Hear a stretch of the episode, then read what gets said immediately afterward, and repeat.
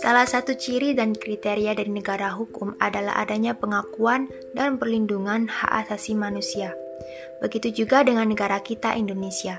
Hak asasi manusia adalah hak dasar atau hak kewarganegaraan yang melekat pada seseorang sejak dia dilahirkan secara kodrat yang diberikan langsung oleh Allah Subhanahu wa taala yang tidak bisa dirampas dan dicabut eksistensinya serta harus dihormati, dijunjung tinggi dan dilindungi oleh negara, hukum, pemerintah, dan setiap orang demi kehormatan dan perlindungan harkat dan martabatnya sebagai manusia.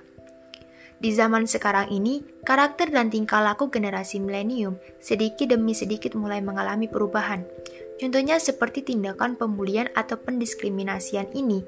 Ini sudah termasuk tindakan melanggar hak asasi manusia. Sikap individualisme dan egoisme sangat mendominasi sehingga menjadi tantangan dalam hak asasi manusia. Contoh kasus pembulian yang pernah terjadi pada akhir-akhir ini yaitu kasus bullying seorang bocah SMP di Bengkulu. Bocah tersebut melakukan melakukan tindakan fisik kepada temannya dengan cara memukul terus-menerus kepada korban.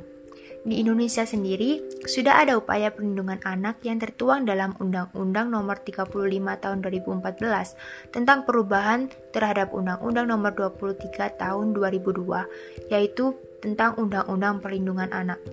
Dari hal tersebut, kita sebagai mahasiswa dapat berkontribusi dalam penanganan kasus bullying dengan cara memberikan pemahaman bagaimana dampak akibat tindakan bulian, membantu seorang korban bullying agar tidak merasa sendiri, dan memberikan pemahaman lebih luas tentang akibat-akibat serta sanksi dari tindakan pembulian tersebut.